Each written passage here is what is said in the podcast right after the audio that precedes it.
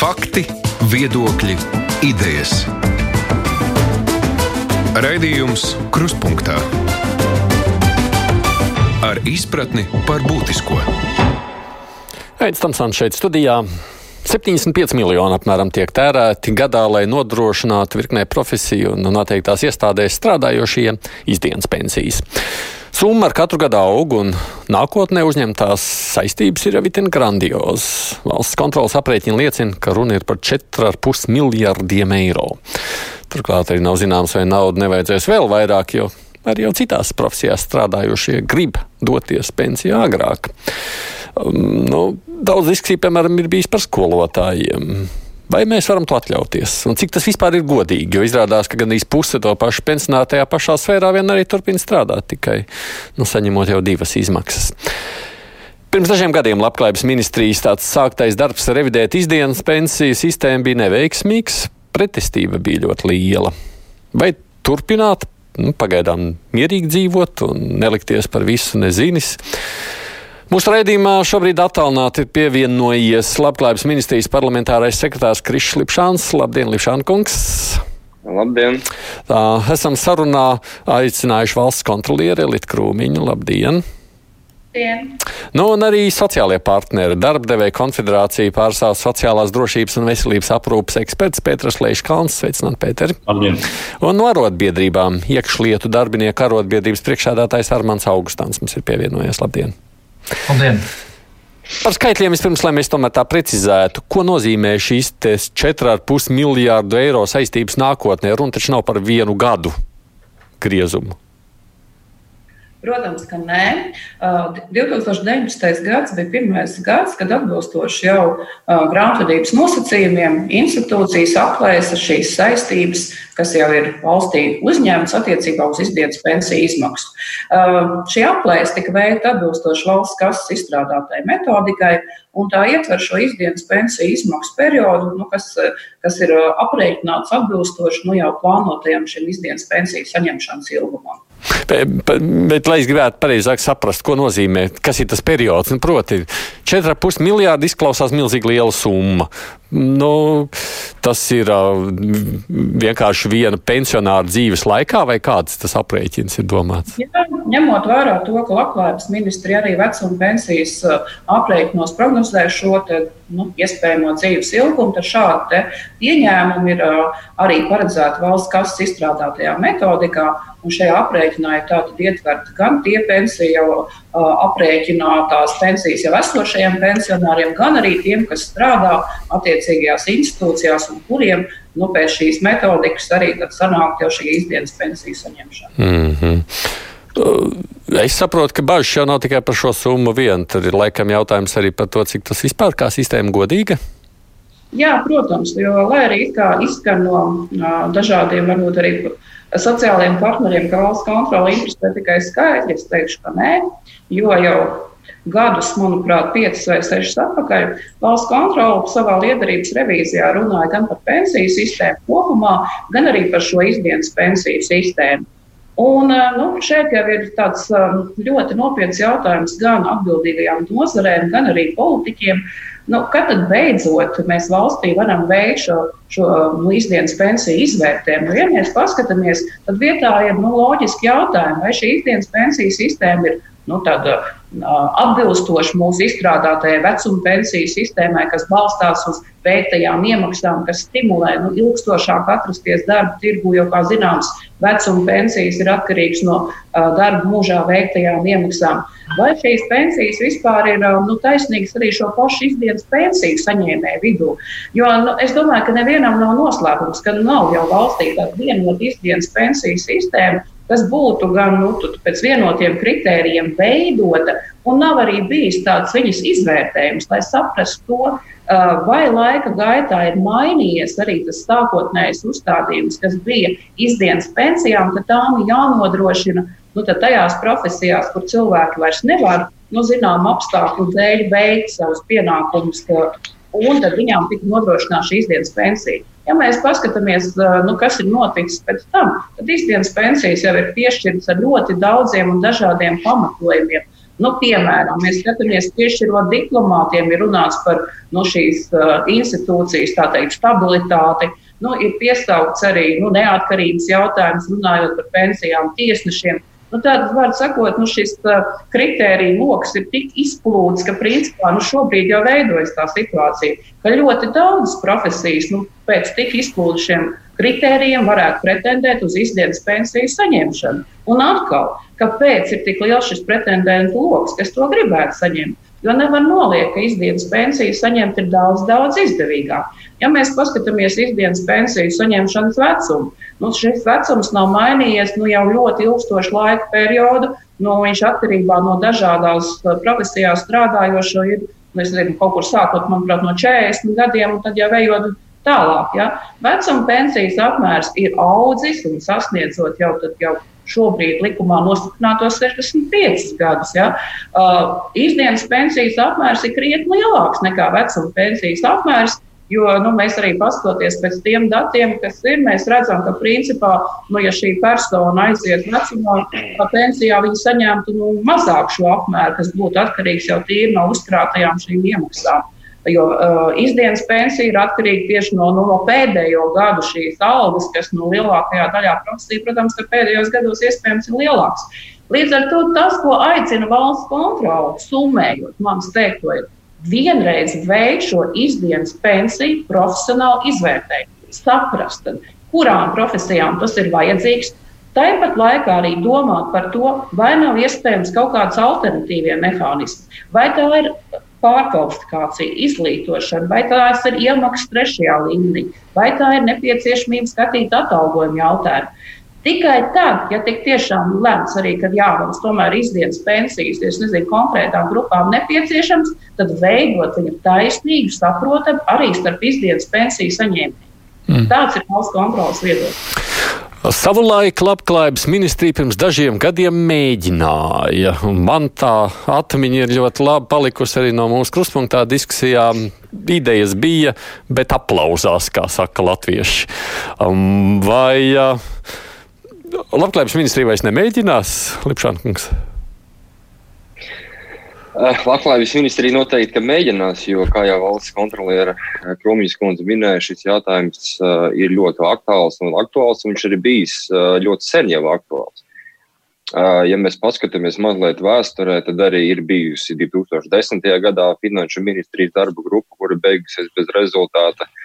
Labklājības ministrija ir sniegusi ministra kabinetā iepriekš jau arī informatīvos ziņojumus, kas ir palicis bez tālākas virzības. Šis ir tāds komplicēts jautājums, kurā ir iesaistīti, iesaistīts ļoti daudz personu. Līdz ar to arī tas nav tik viegli, kā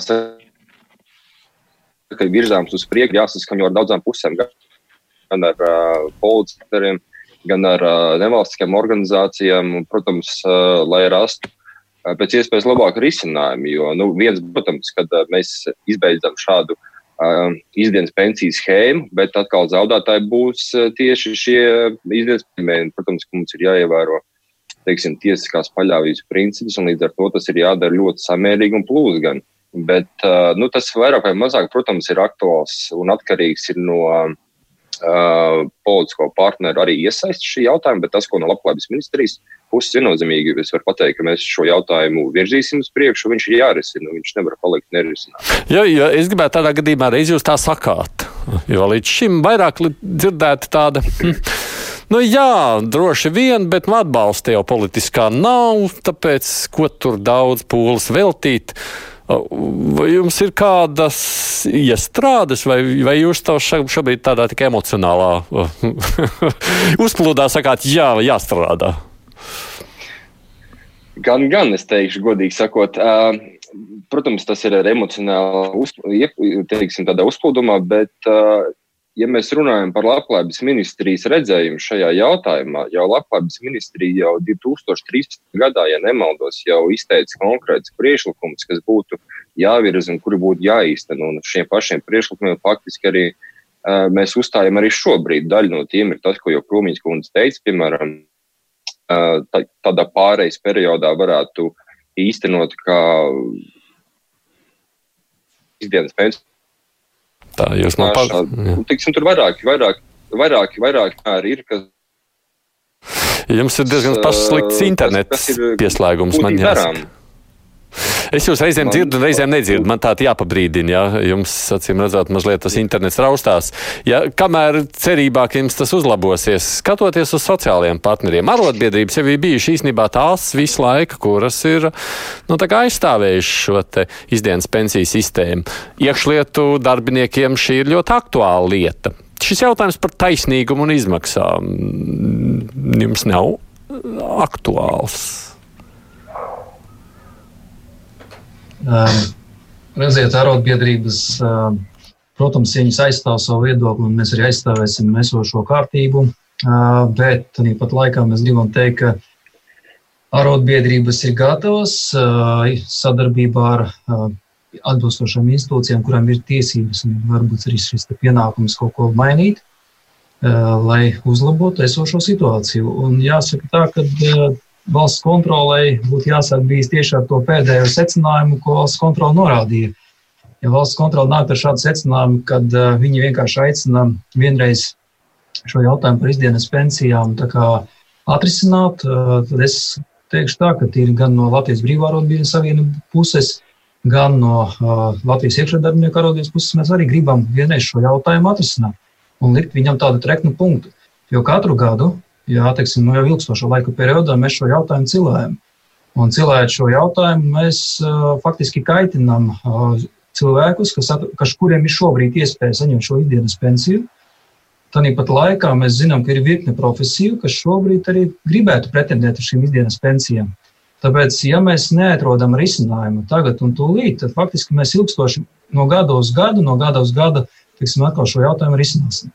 Un tāpēc loģiski, ka mēs kā arotbiedri uzskatām, ka šis jautājums būtu jā, vienreiz par visām reizēm jāatrisina, jāsaprot, kuriem ir šīs tiesības un kuriem būtu uh, vajadzība šī, pēc šīm izdienas pensijām, un kuriem būtu jāpārskata šis jautājums. Tāpēc uh, tas ir jāizdara, iesaistot sociālos partnerus. Uh, vienīgais, ko es gribētu norādīt, ir tas, ka man šķiet, ka īsti nebūtu pareizi laikam, runāt un operēt ar cipariem, tie, kas ir izskanējuši no valsts kontrolas puses. Ja, uh, Salīdzinoši ar izdienas pensijām, tad 2,2 miljardi, ja nemaldos, ir tieši vecuma pensijām paredzēts 2020. gadā, bet izdienas pensijām tikai 53 miljoni. Tāpēc, manuprāt, šie skaitļi nu, nebūtu pareizi, jo tas rada sabiedrībā neizpratni par to, ka, kāda tad, cik liels ir šis apmērs. Lūk, tāds šobrīd ir vispār arotbiedrība viedoklis. Jā, pirms es došu tālāk Leiškalnu kungām, es redzēju, ka Krumiņš kundze gribēja komentēt. Jā, jo tas, ko es teicu savas uh, īsās uzrunas beigās, ir atrodams mūsu revīzijas ziņojumā, ko mēs uh, uh, veicām par, gan par vecumu pensijas, gan par izdienas pensijām. Mēs šo aicinājumu izvērtēt un tad jau skatīties tālāk, kas ir darams, izteicām. Izteicām gan ministru kabinetam, gan atbildīgajām nozares ministrijām. Tā kā šis jautājums jau tālāk ir viņu darbības lauciņā. Pēc šīs finanšu revīzijas, kas bija par 2019. gadu pārskatu, šiem faktiem, kas bija par vecuma pensijas atšķirībām no izdienas pensiju nosacījumiem un citiem, pievienojās vēl finansiālais aspekts, kas, protams, arī ir jāņem vērā. Tā kā es domāju, ka šobrīd nu, vienreiz par visām reizēm ir jāsaņemās un šis izvērtējums jāveic. Jo pretējā gadījumā nu, nevienam, ne ierēdniecībai, ne politiķiem nebūs argumenti pret to, ka ar vien vairāk uh, profesiju lokus vēlas iekļauties šajā sistēmā. Tie ir pašvaldību policisti, Tie ir valsts ieņēmuma dienesta, muitas un finanšu policijas darbinieki, tie ir izglītības darbinieki. Un tad man ir jautājums, piemēram, labklājības ministrijai, nu, vai tik liels izņēmumu skaits, nu, kā tas ietekmēs mūsu izveidoto vecuma pensiju sistēmu, kas ir balstīta pilnīgi uz citiem principiem. Jo, kā zināms, jo lielāks izņēmumu skaits, jo beig beigās mēs atgriezīsimies pie mūsu vecās, tā teikt, padomu laika pensiju sistēmas, acīm redzot. Jā, Pēter, ja drīkst, es jūs tomēr mazliet vēl nelaidīšu pie vārda. Paklausieties vēl, tāpēc, ka reiz mēs te pieminām tos, kas arī gribētu. Nu, izglītības darbinieki, starp citu, vairākus gadus par to jau ir runājuši un arī cīnījušies. Mūsu dzird Inga Vānaga, kas ir izglītības zinātnes darbinieka arotbiedrības vadītāja. Vanagas kundze, labdien! Sveicināti. Nu, ir taču tā, ka jūs arī cerat uh, noteiktām grupām izdienas pensiju, vai ne? Jā, jā, neliksimies. Mēs arī esam daudzu gadu garumā šo jautājumu aktualizējuši, bet šeit es gribētu pievērst uzmanību salīdzinājumā ar citu profesiju pārstāvjiem, ne, lai neņem ļaunā, tas nebūtu nav pretnestatīšanas kā, rakursā, bet mūsu gadījumā mēs lūdzam piešķirt šo atbalsta programmu tādu, ja šo no valsts vai tās ir izdienas pensijas, mēs saucam to par sociālo atbalsta programmu, tiem, kur ir 60 plus vecumā un nostrādājuši 25 gadus. Jo te arī ir pētījumi, kas pierāda, ja pēta profesijas, kad ir šī profesionālā izdegšana un fiziski, emocionāli izdeg, ja, un, un, un, un, un brīvprātīgā kārtā, ne piespiedu kārtā, jo cits tajā vecumā grib un var strādāt. Un, jā, un mēs lūdzam pirmskolas izglītības pedagogiem, sporta pedagogiem, speciālās izglītības pedagogiem Šādu atbalstu nodrošināt, bet tiešām apelējot pie tā, ka profesionālās iemaņas diezgan daudziem zūd. Eh, te mēs runājam gan par paša šī cilvēka veselību, labsajūtu, da, profesionālās dzīves kvalitāti, gan arī uh, bērni. Ja, jo nu, jārespektē, kad, uh, ko var un ko nevar izdarīt, vai sporta pedagogs 65 puses nerunāja par izņēmumiem, ja, vai pirmskolas pedagogam, cik viegli ir 60 plus gados uh, aktīvam, divgadīgam bērnam izskriet pakaļ, un ja tu esi viens ar 22 vai 24 bērniem, un tā varētu turpināt. Katrā ziņā, jā, mēs arī uzskatām, ka pedagoģu saima ir pelnījusi šādu īpašāku izdienas pensiju vai, kā es minēju, sociālo atbalsta programmu, turklāt mūsu gadījumā ir tā, ka šādas atbalsta programma ir bet tikai tiem pedagogiem, kur skolas slēdz vai reorganizē. Bet tur visa nauda neizlietojās, un tāpēc mēs joprojām turpināsim strādāt pie tā, lai arī šo saņēmēju loku paplašinātu šīm trim pedagoģu grupām. Nu, re, paldies! Ļoti skaidrs veistījums Inga Vanaga, kas ir izglītības un zinātnes darbinieka arotbiedrības vadītāja. Nu, Pēter, jūs klausāties, nu redziet, argumenti jau ir, kāpēc vajadzētu, vai ne vieniem, otriem, trešiem un ceturtajiem? Es gribu teikt tā, ka darbs jau pēc savas būtības kaut kur mazliet vienmēr nogurdina. Ja viņš nenogurdina, tas nav īsti normāli. Un tas tā normāli būtu, ja apmēram ap 40 gadiem cilvēki varētu sākt saņemt izdienas pensijas. Turklāt, visu, nu jā, 40 gadu vecumā. Jā, man jau ir jau vajadzētu. Katrā profesijā ir kaut kas, kas kaut kādā veidā nogurdina. Tu, pilnīgi katrā. Es gribu teikt, ka šeit tika runāts par tām daudzajām kategorijām. Viena kategorija man jāteic, ka ir um, Latvijas izdienas pensiju sistēmā ir izņēmums. Tās ir tiesneša pensijas. Viņi saņem izdienas pensiju tikai sākot ar no vispārējā pensijas vecuma sasniegšanas. Viņi nav šis izņēmums tādā veidā, ka, uh, ko var teikt par šo sistēmu kopumā. Nu, manuprāt, tas ir nu, no Romas impērijas virsniekiem mantots, un padomu laikā jau sevišķi labi, jo mēs zinām, ka padomu laikā militāristi bija lielā mērā noteicēji par valsts politiku, un tad viņiem bija ļoti patīkami.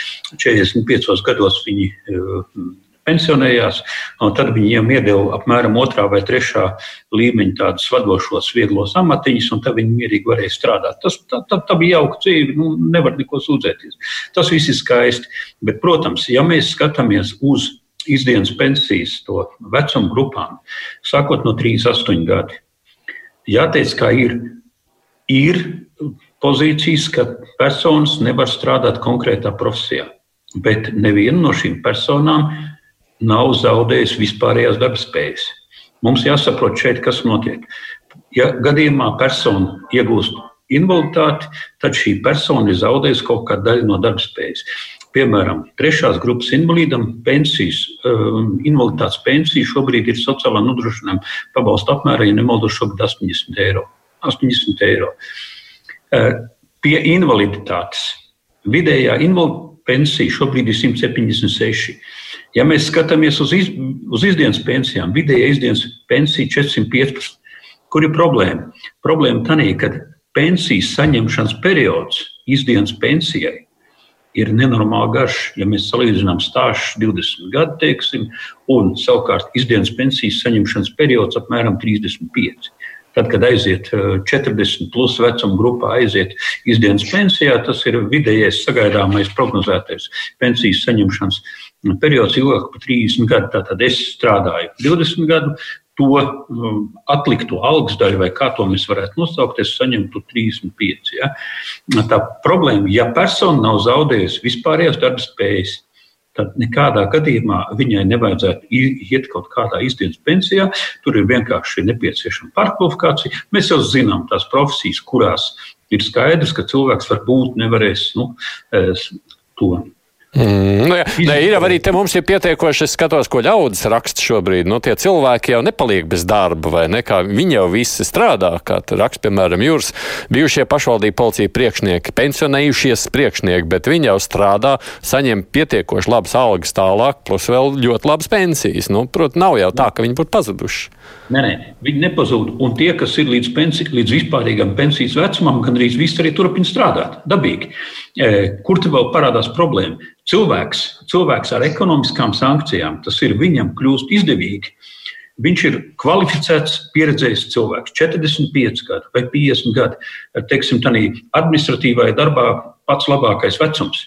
Viņš tiek izspiests ārā, jo viņam ekonomiski ir izdevīgāk aiziet uz izdienas pensiju un piemeklēt līdzīgu darbiņu, kur viņš var strādāt. Teiksim, ja, tas, protams, tās ir dubultās izmaksas no, no, no budžeta skatoties. Ja. Normāli būtu cilvēkam saņemt darbam un kvalifikāciju atbilstošu atalgojumu darba laikā.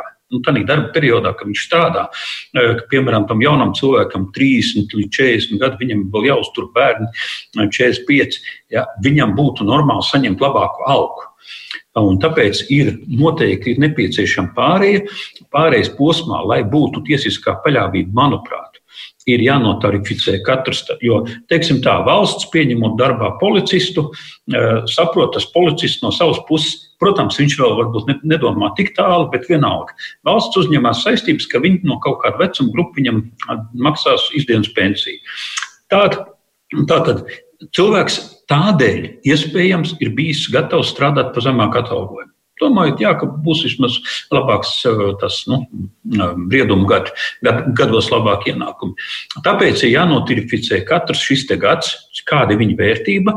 Manuprāt, lai nezaudētu tie, kas ir uzsākuši darbu. Un šie līdzekļi ir jāakumulē trešā pensiju līmenī. Pagaidiet, tā par izņēmumiem mazliet vēl parunāsim. Augstām kungs ir tā, ka šobrīd tas ir pietiekoši liels stimuls, ņemot vērā, ka policistiem nav tās lielākās algas, un to mēs arī labi visi zinām.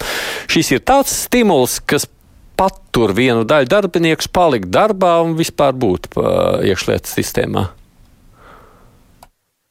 Viennozīmīgi, ka jā, jo faktiski šī ir viena no stabilākajām sociālajām garantijām šobrīd tieši šī iekšlietu sistēma esošām amatpersonām.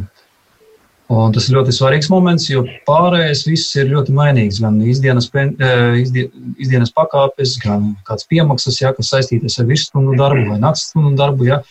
Tad šobrīd mēs redzam, ka izdienas pensija ir viens no motivējušiem šiem iemesliem strādāt policijā, robežsardze, ugunsdzēsējos. Protams, ka var eh, skatīt jautājumu, kas būtu, ko mēs esam arī aicinājuši veikt izmaiņas likumā, ka darbiniekam sasniedzot 50 gadu vecumu nebūtu jāraksta jauns iesniegums par turpinājumu, bet viņš vienkārši automātiski turpina strādāt. Un tādā veidā mēs varētu varbūt panākt citu rezultātu, kad viņš uh, nerakstot kaut ko papildus, turpina strādāt līdz nu, viņš vairs negrib. Bet es ko gribu pateikt, ka mēs jau varam šeit diskutēt par eh, šiem jautājumiem gari un plaši, bet mēs nepiedāvājam kaut ko pretī šiem pašiem amatpersonām, jā, teiksim, tiem pašiem policistiem, robežsargiem, mēs nepiedāvājam neko pretī. Ko valsts var piedāvāt pretī? Un šeit, man liekas, iztrūkst šī jautājuma. Bet, ja būtu ko piedāvāt pretī, jo mēs par tiem risinājumiem arī tulīt tās runāsim, ja jums būtu alternatīva, sakot, vai nu izdienas pensija, vai. Un tad nu, tā pati summa, vai nu alga būtiski lielāka, vai iemaksas trešā pensija. Nu, es, es tagad šobrīd tikai filozofēju, lai prasītu, būtu arotbiedrības gatavas šādai sarunai. Jā, redziet, ja valsts kontrole atnāktu, nu, nav valsts kontrole labklājības ministrija veiktu izpēti, tādu būtisku izpēti par to, kā ir Eiropas Savienībā, kā notiek citās valstīs, nu, teiksim, vecajā, vecajās valstīs, teiksim, kā tas notiek, un kā piemērs ir Nīderlandē, ja, kur policistam, protams, izdienas pensija ir 62 gados, Logiski, bet viņam ir atalgojums ļoti būtisks, plus vēl valsts veids iemaksas tā saucamā trešā pensiju līmenī. Tātad viņš saņem izdienas pensiju, plus viņš saņem ar savu piemaksu. Jā, tad līdz ar to viņš nezaudē faktiski uh, to līmeni, kāds viņam ir bijis strādājot policijā. viņš var turpināt dzīvot un braukt pa Eiropu ceļot, jā, nodarboties ar turismu. Nu, ja sapratu, jā. Politiski nevar to izdarīt. Nu jā, Krumiņš kundze, jūs tur bijāt gatavi teikt. Nu, man liekas, ir jāpaskaidro tas, ka audita iestāde izpildvaras un politiķu funkcijas nepārņem un arī nepārņems. Konkrēti risinājumi, konkrētas alternatīvas, kā reiz ir jāizstrādā atbildīgās uh, nozares pārstāvjiem, politiķiem jāvienojās. Uh, tas, ko es vēl gribu piebilst, patiesībā pētījums par to, kā tas notiek arī citās Eiropas Savienības valstīs, nu, ir veikts arī saimā. Ir uh, analītiskā dienesta veikts pētījums par situāciju no Eiropas valstīs, un kas, manuprāt, tika publiskots pagājušajā gadā. Un tur kā reiz arī ir minēts tas, ka arvien vairāk notiek šī iz, izēja no izdienas pensiju sistēmas ārā. Un tieši Latvijā šīs izdienas pensiju saņēmēju lokus ir ļoti plašs. Tā kā nav tā, ka nav šo pētījumu, viņi jau ir. Tas, kas ir pietrūcis, ir pietrūcis šīs politiskās gribas vienreiz par visām reizēm šo jautājumu kaut kādā veidā uzsākt risināt. Valsts kontrole nesniedz šo konkrēto ieteikumu, kas tieši kurā nozarē būtu šis aizstājošais uh, mehānisms. Tas nav audita iestādes darbs. Nu, tas, jā, es jau saprotu, mēs arī par dažiem risinājumiem tulīt parunāsim. Lai Kalnu kungs arī ir gatavs nākt ar savu, pieņemsim, uh, nu, ieteikumu klāstu klāt. Par politisko gribu runājot, pirms es paceļu klausuli, uh, jautājums parlamentāriem sekretāram no Labklājības ministrijas. Kā jums šķiet, ir tā politiskā griba vai nav? Uh, Es gribētu teikt, ka šobrīd viņa ir vairāk nekā viņa nav. Protams, tas vēl ir diskusijas, ir jāveic arī ar partneriem, bet cik es manīju, kad arī pats premjerministrs ir teicis to, ka šis jautājums ir jārisina un ka viņi nevar atlikt. Tad līdz ar to es vienkārši pieņemu, ka arī valdības līmenī, teiksim, ministrs prezidenta līmenī, koalīcijas partneru līmenī ir šobrīd teiksim, vairāk šī politiskā griba šo jautājumu sakārtot. Protams, nākamais jautājums ir par to tehnisko izpildu. Uh, jo, uh, kā jau arī šeit daudz tika minēts, to, ka uh, ir daudz dažādas nozares, uz kurām attiecās šīs izdienas pensijas. Līdz ar to katra nozara faktiski pati kontrolē savas izdienas pensijas izmaksas nosacījumus un kritērijus. Labklājības ministrija faktiski veids tikai izmaksu sadarbībā ar valsts sociālās apdrošināšanas aģentūru. Tā īsti nav labklājības ministrijas politika, jo izdienas pensijas neietilpst vispārējā pensiju sistēmā. Un līdz ar to uh, Šobrīd tur ir ļoti būtiski uh, veikt šo sadarbību ar pārējo ministru uh, ministriem, teiksim, veikt šīs komunikācijas un lai būtu tas atbalsts. Jo, protams, ka katrs ministrs jau arī strādā savas nozares labā. Viņš grib, lai viņas nozares darbiniekiem būtu pēc iespējas labāk, piemēram, iekšlietu ministrijai. Es pilnīgi piekrītu to, ka uh, atņemot šādas izdienas pensijas un nedodot neko vietā, nu, būtu absolūts haoss. Līdz ar to ir, ir arī jāsaprot ne tikai ministra līmenī, arī valdības līmenī to, ka ja tiek veikts kādas izmaiņas izdienas pensijas jautājumos, tad tiešām ir jāparedz kaut kas, ko dot vietā. Jo es arī piekrītu tam iepriekš minētajam, gan Leiškalna, gan Augustāna kunga minētajam, to, ka uh, tas ir būtiski. Tas ir būtisks jautājums šīs izdienas pensijas stājoties amatā, piemēram, dienestā valsts policijā. Un tas tiek arī vērtēts, jo tās algas ir tiešām, tiešām salīdzinoši zemes, piemēram, kaut kā salīdzinot ar pašu aizsardzības ministrijas padotībā darbiniekiem, piemēram, militāru personām. Un līdz ar to ir tiešām būtiski jāstrādā pie atalgojuma palielināšanas, piemēram, iekšlietu struktūra vienībās nodarbinātajiem.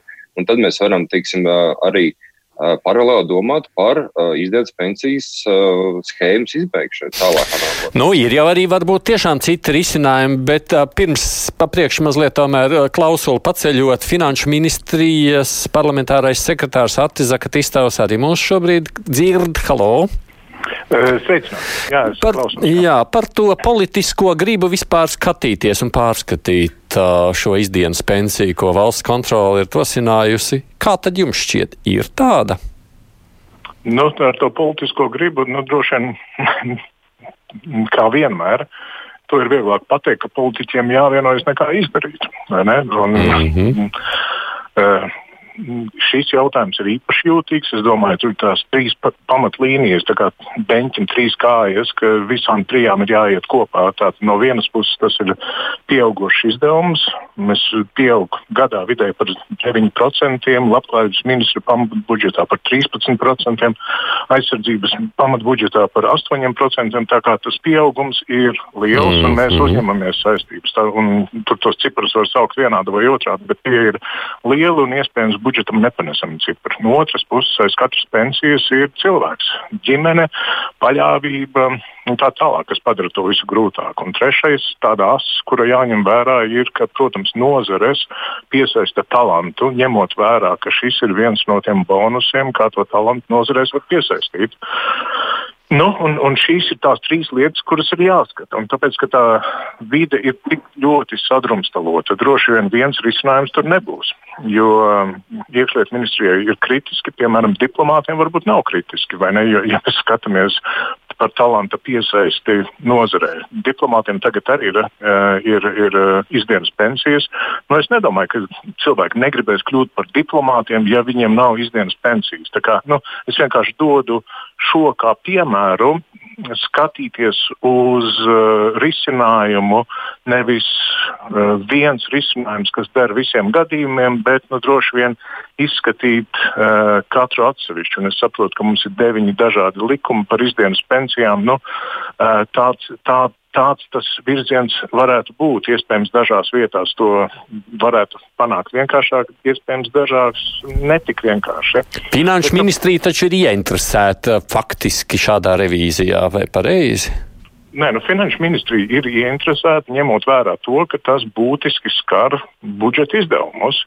Uh, es kā politiķis neesmu ieinteresēts uh, būt vainīgais, uz kuru dusmīgi visi saņēmēji. tas gan jā. tur, tur tas līdzsvars ir, ir, ir, ir jāmeklē.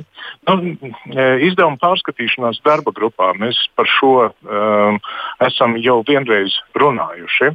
Un tas, kā es varētu raksturot to situāciju izdevuma pārskatīšanas grupā. Mēs saprotam situāciju, par politisko gribu ir papildus jautājums. Tas, kā varētu iet uz priekšu no vienas puses, visvienkāršākā lieta, ko varētu nu, īstenot, ir kaut kāda veida indeksācija. Jo, ja mums ir indeksācija pēc dažādiem parametriem, nu, vecuma pensijām, tikpat labi izdienas pensijas arī varētu tikt indeksētas. Tas tāds nu, pussolītis, bet vismaz reformu virzienā. Attiecībā uz, uz, uz zināmām nozarēm, protams, tur jau stāv vairākas nozares rindā, kuras arī saka, ka viņas grib tās mhm. izdienas pensijas, mu, muitnieki un tā. Un, uh, tas liek spiedienu ne uz politiķiem mazāk, bet no tiem citiem, kuri grib uh, izdienas pensijas, pārskatīt tās pensijas, lai tur nu, trivializējot, lai grāmatveži nesaņem, bet tie operatīvie darbinieki, kas skrien un riskē ar savu dzīvību, saņem. Nu, tur, tur ir zināms spiediens un uh, politiskā griba varētu rasties ne tik daudz no politiķiem pašiem, bet no spiediena, kas nāk no tiem citiem gribētājiem. Tur, tur varētu uh, tas sadalījums kaut kādā veidā uh, tikt skatīts.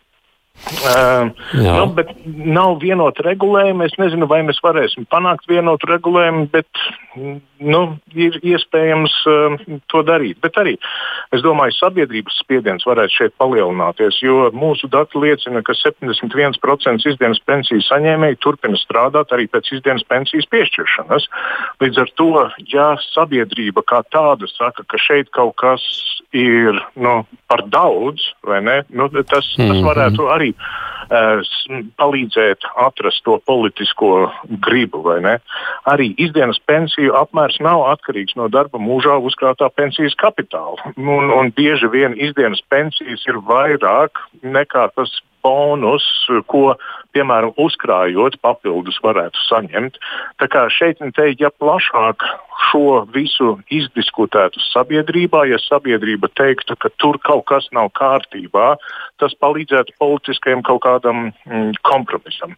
Nu, tas, ko es esmu pateicis, ir, mēs saprotam to situāciju, situācija ir smaga un droši vien jāiet soli pa solim. Iespējams, tām diskusijām vajadzētu būt labklājības ministrija, nozares ministrija, nu, piemēram, eh, izdevuma pārskatīšanas grupa un balss kontrola kopā nu, šāda veida seminārus drīzāk varētu taisīt, jo nu, nevienu tā īsti nepiespiedīs politiski šo darīt, jo tas, tas nu, politiski ir ļoti jūtīgs jautājums. Jo, kā jau minēju, aiz katras pensijas ir cilvēks, ģimene un zinām veidu paļāvība.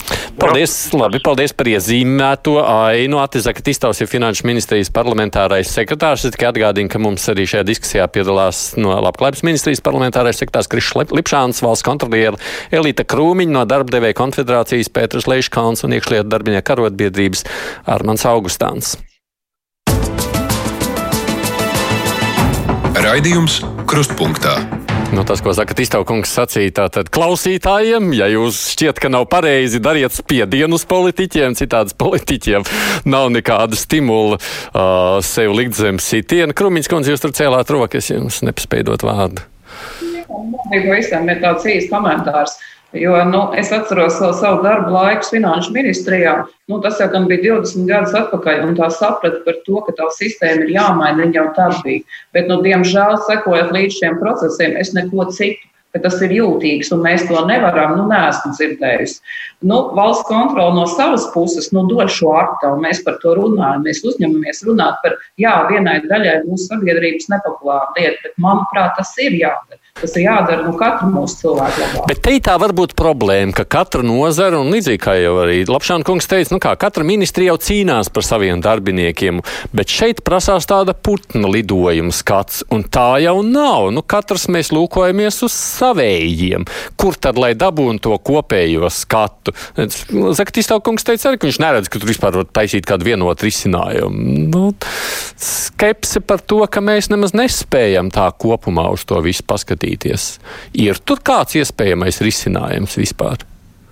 Labšāna kungs, nu jūs taču arī tikai par labklājības ministrijas jomu lielākoties, vai ne? Jā, bet, kā jau teicu, mēs esam savā ziņā izdienas pensijas jautājumos politiski savā ziņā neitrāli, un tāpēc mēs varam skatīties diezgan objektīvi šo jautājumu, jo mēs esam faktiski tikai izmaksātāji. Um, es piekrītu Zakata iztavu teiktiem tam, ka tas ir uh, nu, ir, protams, jūtīgs jautājums, bet, uh, kā jau viņš minēja, to, ka ir tiešām ir. Šis ir spiediens jāveic. Piemēram, paldies valsts kontrolē, kas ir izdarījis ļoti labu darbu, teiksim, un arī, un arī turpina veikt ļoti labu darbu un tieši norāda uz šādām aktualitātēm. Līdz ar to arī šī, šī teiksim, pētījuma ziņojuma ietvarā arī sabiedrība var arī vērst savu interesi, savu gribu un uzmanību. Jo gal galā mēs dzīvojam demokrātiskā valstī, kur arī sabiedrība saka, ko viņi vēlas un kā viņi vēlas. Un, bet papildus arī minot to, ko Zaka Tīstovs teica par tiem trīs krēsliem, tad tas ir Tā ir jāņem arī vērā no satversmes pirmā panta. Es paz, laikam pazūdu atkal kaut kur. No satversmes pirmā panta izriet uh, divi principi tiesību, kas ir tiesiskās paļāvības, kas jau šobrīd tika izskanēts, kas ir pasargā faktiski uh, šos izdienas pensijas saņēmējus, un otrs ir labas pārvaldības princips, kas nosaka to, ka valsts pārvaldei jāstrādā efektīvi. Tā skaitā arī jābūt efektīvai. Uh, Mm -hmm. Šīs pensijām. Arī tur ir tās divas, divas puses ir jāsamēro. Leškalna kungs, ir taču izdarām tā lieta tāda, ka nu, nestarvēstījums saglabājot šo paļāvības, tiesiskās paļāvības principu un tomēr risināt šo jautājumu. Jo mēs te visu laiku kaduramies ar tādu politiķu nu, saprotamām bažām, nemē, nu, it īpaši palūkojoties, cik neveiksmīgā pagājušā reizē nemēģināt nemaz. Nu jā, tas, protams, politiķiem ir svarīgā lieta nu, nevērst pret sevi jebkuras sabiedrības grupas dusmas. It sevišķi nu, tie, tie vēlētāji, un tie ir arī tādā brīdī, ja kādam jau tiek apdraudēts kaut kāds nu, jau iegūts labums, tad, protams, viņi kļūst aktīvi, tie cilvēki. Un tas, tas, un tas arī nebūtu pareizi. Jā, šeit jau vairāk kārt tika minēts šis tiesiskās paļāvības princips. Pēc tiesiskās paļāvības principa es saprotu vienkāršo lietu tā. Mēs paņemam šobrīd, notarificējam cilvēkam, kurš ir nostrādājis, teiksim, 5 gadus, 10 gadus, 15, 20. Zināmā mērā rēķinoties, ka viņam būs šī izdienas pensija, viņš strād, piekrīt strādāt par mazāku algu nekā viņš varbūt citos apstākļos strādātu. Tātad mēs notarpicējam, cik tad ir tas viņa gada, nu, katra stāža gada, tas, nu, tas sagaidāmais labums ikdienas pensijas saņemšanas periodā. Tajos 30 gados, ko viņš aptuveni varētu saņemt šo ikdienas pensiju. Mēs notarpicējam tātad katru gadu vērtību, un visiem, neatkarīgi no tā, vai viņš ir nostrādājis 5, 10, 15, 20 gadus, viņam mēs sakām, jā, valsts uzņemās šīs saistības pret tevi par to, ka nu, tu strādāji iespējams maz, par mazāku algu, sagaidot, ka tev būs šī te. Tātad mēs to notarificējam un liekam iekšā to vai nu trešā pensiju līmenī, nu, tas ir privātos pensiju fondos vai, vai vienalga kā citādi. Un, bet attiecībā uz nākotni mēs sakam, uz nākotni mēs tev maksājam normālu algu. Nevis turam tev degunu priekšā, kad nu, tu kādreiz tu aizies, eh, sasniegs noteikto vecumu, tev būs mm, labāks vecumdienas. Nē, tev ir šobrīd, tad, kad tu strādā aktīvi, tad tev ir atbilst, darbam atbilstoša alga. Tātad, ja? nu, un te ir tas uztaisīt šo pārējais posmu, kurš kaut kad arī teiktos. Bet mēs jau šobrīd to nedarām tieši tāpēc, ka mums nav tās naudas, ko šobrīd vairāk samaksāt tam cilvēkam. Tāpēc jau mēs atliekam maksājumu pēc 15, 20 gadiem, sakot, valsts tad maksās. Jā, e, šeit ir tas lielais jautājums tāds, ka mēs viņam varam pateikt, ka mēs viņam to naudu ieliekam iekšā. Nu, valsts uzņemas saistības. Te tā lieta ir, ka vienkārši valsts uzņemas saistības. Jā, par to daļu, par ko tu līdz šim esi uzkrājis, mēs uzņemamies saistības. Bet attiecībā uz nākotni mēs tev maksājam normālu algu. Nav jau ko maksāt to normālo algu, nav tās naudas. Ne. Mēs uzņemamies saistības, mēs, bet ne, nu, tā nauda ir jāmaksā. Jo, jo, jo tikmēr, kamēr mēs uzturam šo sistēmu, nekad nekas nebūs normāls. No. Cilvēkam, jo piemēram, jaunam cilvēkam, kurš ir aizgājis nu, teiksim, 25 gadi, iegūs izglītību, kvalifikāciju, ir sācis strādāt, viņš jau tajā brīdī viņam vissvarīgāk ir šodienas alga. Ja viņam, viņš nodibina ģimeni, viņam ir bērni, viņam ir ļoti svarīgi tajos 30, 35, 40, 45 gados saņemt normālu algu. Jo tas, ka viņš pēc tam, sasniedzot izdienas pensijas vecumu, saņems praktiski gandrīz vai nu, pusotrā auga, tā var teikt, jo šie 415 vidēji izdienas pensija, tā ir tā kā puse no otrās augas. Ja? Tas jau ir mazāk svarīgi. Svarīgi cilvēkam saņemt precīzi nodarbinātības periodā tirguma atbilstošu algu. Jā, pirms es dodu Latvijas ministrijas pārstāvim vārdu, es tomēr gribu dzirdēt augstānu kungu sacīto. Nu, ja būtu šāds piedāvājums, sakot, lūk, mēs maksājam pusotreiz lielāku algu, to savukārt iekrāto kapitālu ieliekam trešās pensijas līmenī un šo sistēmu mainām. Vilinoši? Demagoģiski, jā. Kāpēc demagoģiski? Tāpēc, ka mēs saprotam, ka tas nav. Un pats trakākais, ka nebūs naudas, vispār... ko maksāt, vai ne? Protams, protams, un eh, mēs esam realisti. Un, ziniet, es esmu novērojis, ka pat lielākā problēma ir tāda, ka mums eh, faktiski mēs kaut ko pasakām. Tas ir A, bet B neseko. Un nekas nav. Un tas nezināmais patiesībā ir tas trakākais. Jo tad tas darbinieks sēž, viņš tagad skaita dienas, kad viņš var aiziet ikdienas pensijā ar cerību paspēt pēdējā vagonā. Jo viņam liekas, ka tūlīt rītdien viss tiks izmainīts un caur viņam ikdienas pensijas vairāk nebūs. Tāpēc, manā, manuprāt, valsts piemānīs, kā saka, ja? jā, jā, un tāpēc šeit nevar būt šī demoloģija. Būs, nebūs. Ir jāskatās tā, kā ir šobrīd. Un, ja mēs skatāmies tās pašas ikdienas pensijas, tad pasakiet, cik daudzās profesijās katru gadu tev prasa veselību iziet, fiziskās normatīvas kārtot, tev ir jāstrādā 24, 365, jā, jācīnās ar to, lai sabiedriskā kārtība būtu. Un jāsaka tā, ka patiesībā ārkārtējā situācija Latvijā parādīja, ka mēs neesam, nu, mēs neesam uzreiz gatavi nekam. Mums nebija ne roku dezinfekcijas līdzekļu, ne maskas nebija, un pēc tam mēs bijām spiesti to visu iegādāties, lai būtu. Nu, tas līdzīgi arī izdienas pensijām būs. Nu, šodien mēs sakām, ka kaut kas ir jāmaina, bet kas? Ā, nu, gan jau izdomāsim. Un tas nav normāli. Mēs varam tiešām demagogiski runāt, filozofēt par kaut ko, bet mums nav risinājumu. Nu jā, tāda ceļa jau nav darāms. Lipšankungs, es gribētu sacīt, ko. Jā, uh, Protams, ka ir jau tāds, teiksim, drīzāk, es teiktu, Augustāna kungam, ka plāns B ir drīzāk, jo Lēškā kungs arī ļoti sakarīgs priekšlikums ir izteicis, un viņi tiešām ir, un, teiksim, papildus vēl arī labklājības ministrijai ir arī, teiksim, redzējums šī jautājuma risināšanai, bet runājot par to politisko gribu, es domāju, ka politiskā griba sakārtot šo uh, jautājumu ir, bet uh, tad runa jau nu pat arī aizgāja par to, ka no kurienes ņemt naudu. Lai ņemtu naudu, tad tiks teiksim, aprobežota kāda cita politiskā griba, kāda cita politiskā iniciatīva. Protams, ja mēs varētu atteikties no koncerta zāles vai cietuma būvniecības, mēs varētu diezgan aktīvi iesaistīties šī jautājuma risināšanā, bet ņemot vērā to, ka tās politiskās gribas ir arī papildus uh, citas, nu, tad šī, jā, viņa var palikt uh, novārtā, viņa var tikt atlikta, bet uh, kamēr nebūs konkrēti tieši vienošanās to, ka tiešām valstī kritiski jautājumi risināšanā un pareizes naudas izlietošanā, nu, tikmēr tad, jā, šis jautājums nevarētu tikt atrisināts līdz galam. Bet, nu, un runājot par to, kad Augustāna kungs minēja to, ka, teiksim, struktūra vienīgi darbinieki baidās, kad viņiem kādu dienu varētu tikt nogriezt šīs izdienas pensijas, neko nedodot preces, šaubītos par to, ka kāds politiķis gribētu riskēt ar šādu satversmības risku un gribētu sev, teiksim, šādu. Nu, jā, es tā saprotu, jā, bet klau, klausoties jūsos, nu, man gribētos piekrist tādā ziņā augstām kungām. Es arī esmu reālists. Visticamāk, jau ņemot vērā to politisko sarežģītību šī jautājuma risināšanā. Tas vienkāršākais ceļš ir un paliks. Ne, nu, ir vieglāk palikt, ka tas, nu, tas sloks būs jārisina nākošiem politiķiem pēc 15, 20 gadiem. Nu, tā tas ir, vai ne? Tiem, kas tagad sāk strādāt. Līdz ar to uh, nu, es jau vairs kā politiķis nebūšu. Būs jau citas partijas un citi cilvēki, lai tad viņi domā. Nav jau ies. Es nevajag kāds var ap, apgāzt manu skepsi, nu, ka tā nav īstā reāla politika. Tāpēc neviens te neko nemainīs un turpināsim vien dzīvot kā līdz šim.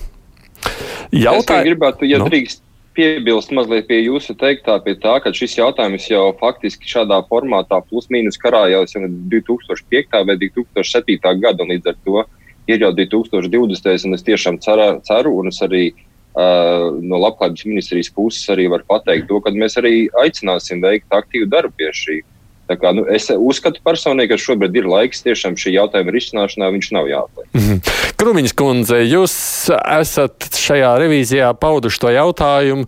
Ah, nu, es nezinu, vai tas ir retorisks, ka kādā brīdī varētu pienākt tas mirklis, ka mēs vairs nespējam šo slogu nest. Ah, un tad jau nu grib vai negrib jārisina, vai ne? Tad beigās politiķi piespies, jo nu jārisina. Jūs ir kādas nojausmas, kurš tad ir tas brīdis? Jo nu, te mēs minūtes, kā mēs te minām, 15 gadus jau esam rulējuši līdz šim un nekas nav jau tik traki. Nu, ļoti žēl, ka mēs esam tā rulējuši visus šos gadus un to drosmi neesam saņēmuši. Ja? Jo, nu, es domāju, ka vienu mirkli tomēr tā drosme ir jāsaņem, jo es saku, tur jau nav runa ne tikai par cipariem, par skaitļiem. Te ir runa arī par uh, vienlīdzīgu un godprātīgu attieksmi pret vecuma pensiju saņēmējiem, kurš, kuriem šis pensionēšanās vecums pieaug, kur tāpat ir strādājuši gan stresa, gan kādos citos apstākļos. Ja mēs paskatāmies, kādas vispār mums ir bīstamāko profesiju saraksts, tad tur ir kokrūpniecība un mežrūpniecība un tam līdzīgi, ja, kas arī varētu pretendēt uz izdienas pensijām. Tas ir jautājums vispār par mūsu pensiju sistēmu mūsu valstī, vai mēs saglabājam to sistēmu, ka uh, cilvēks saņem pensiju atbilstoši veiktajām iemaksām, tie ir ļoti konceptuāli jautājumi, kas ir jāatbild, un viņi ir svarīgi, liekas, katram iedzīvotājam. Vēlreiz uzsver, tur nav runa tikai par naudu. Nauda ir viens no aspektiem, bet pārējais ir par mūsu šo sociālo politiku, kurā virzienā mūsu valsts iet. Nu, protams, jautājums par to, vai kāds spiediens būs no ļaudīm vai sabiedrības, mēs tādu ļoti lielu to līdz šim neesam jutuši. Es jau, protams, varētu cerēt uz labklājības ministrijas šo apņemšanos, ka viņi tomēr darīs un mēģinās, lai gan es domāju, tur tajā situācijā skepsi sarauja, bet uh, kopumā skatoties, mēs taču vēl varam kādu laiku, Leiškalna kungs, pat arī no darbdevēja viedokļa skatīties, varam taču rulēt vēl uz priekšu tā, ne tā? Mēs varam turpināt rullēt, mēs varam saglabāt to esošo modeli, ka ja, jauniem cilvēkiem dažas profesijas nav interesantas tikai tādēļ, vien, ka, nu, ka viņš tajā brīdī nevar saņemt adekvātu atalgojumu, tāpēc, ka ir valsts budžetam sloks uz nākotni. Tas mēs, protams, varam tā turpināt darīt.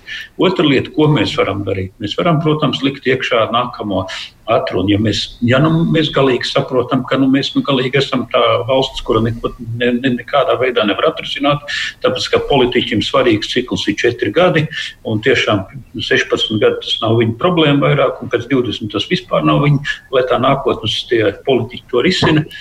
Protams, mēs tā varam rīkoties. Otra lieta, ko mēs jau diezgan ātri un radikāli varam sākt risināt, ir tas, ka mēs pakāpeniski audzējam eh, šo eh, izdienas pensijas vecumu. Tas ir tāds diezgan reāls modelis, jo, ja mēs skatāmies, piemēram, sievietēm, bija 55 gadi pensijas vecums, pēc pāris gadiem viņām būs 65. Mēs esam Tātad pēc 96. gada reformas mēs esam izdarījuši ļoti būtisku pensijas vecumu pieaugumu sievietēm. Ļoti būtiski. Tā pašā laikā izdienas pensija vecums ir palicis turpat. Tātad um, mums ir jāpieņem lēmums pirmā lieta par to, ka mēs audzējam izdienas pensijas vecumu. Otra lieta - piedāvājam tiem cilvēkiem, kas nevar tos diezgan augstos, uh, augstās prasības pret veselību un pret fizisko uh, sagatavotību. Uh, šīs te mēs piedāvājam elementāru pārkvalifikāciju. Ja? Un, jā, un manuprāt, soli pa solim ejam uz to, ka mēs aizvietojam šo te šīs dienas pensijas ar papildiem maksām. Ja? No, nu, darba devēja konfederācija, protams, arī var mēģināt izdarīt savus spiedienus, kā sociālie partneri. Nu, kā mēs saprotam, man jau liekas, tā ir vēl viena lieta, būtiska lieta. Te ir arī premjeras nostāja, jo tas ir jautājums pārresoru.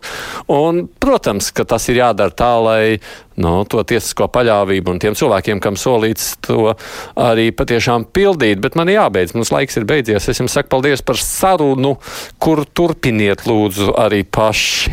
Tāds mans aicinājums. Elita Krūmiņa ir valsts kontroliela. Paldies, ka jūs piedalījāties un nācāt ar saviem secinājumiem. No labklājības ministrijas šeit piedalījās Krišs Lipšāns, kurš ir parlamentārais sekretārs. Paldies jums par sarunu. Pēters Leiškalns ir darba devēja koncentrācijas sociālās drošības un veselības aprūpas eksperts. Un savukārt Armans Augustāns vada iekšļietu darbinieku arotbiedrību. Paldies jums tiešām par dalību. Kruspunktā arī žurnālisti kā parasti komentēs atkal nākošās aktualitātes. Mēs vēl tiekamies ar radio raidījuma nu, klausītājiem divās puslodēs, kad runājam par pasaules notikumiem. Tas ir pēc pulksten trījiem. Kruspunktā šodien izskan producents Tevi Junām, studijā bija Saidis Tomsons. Fakti, viedokļi, idejas. Raidījums Kruspunkta ar izpratni par būtisko.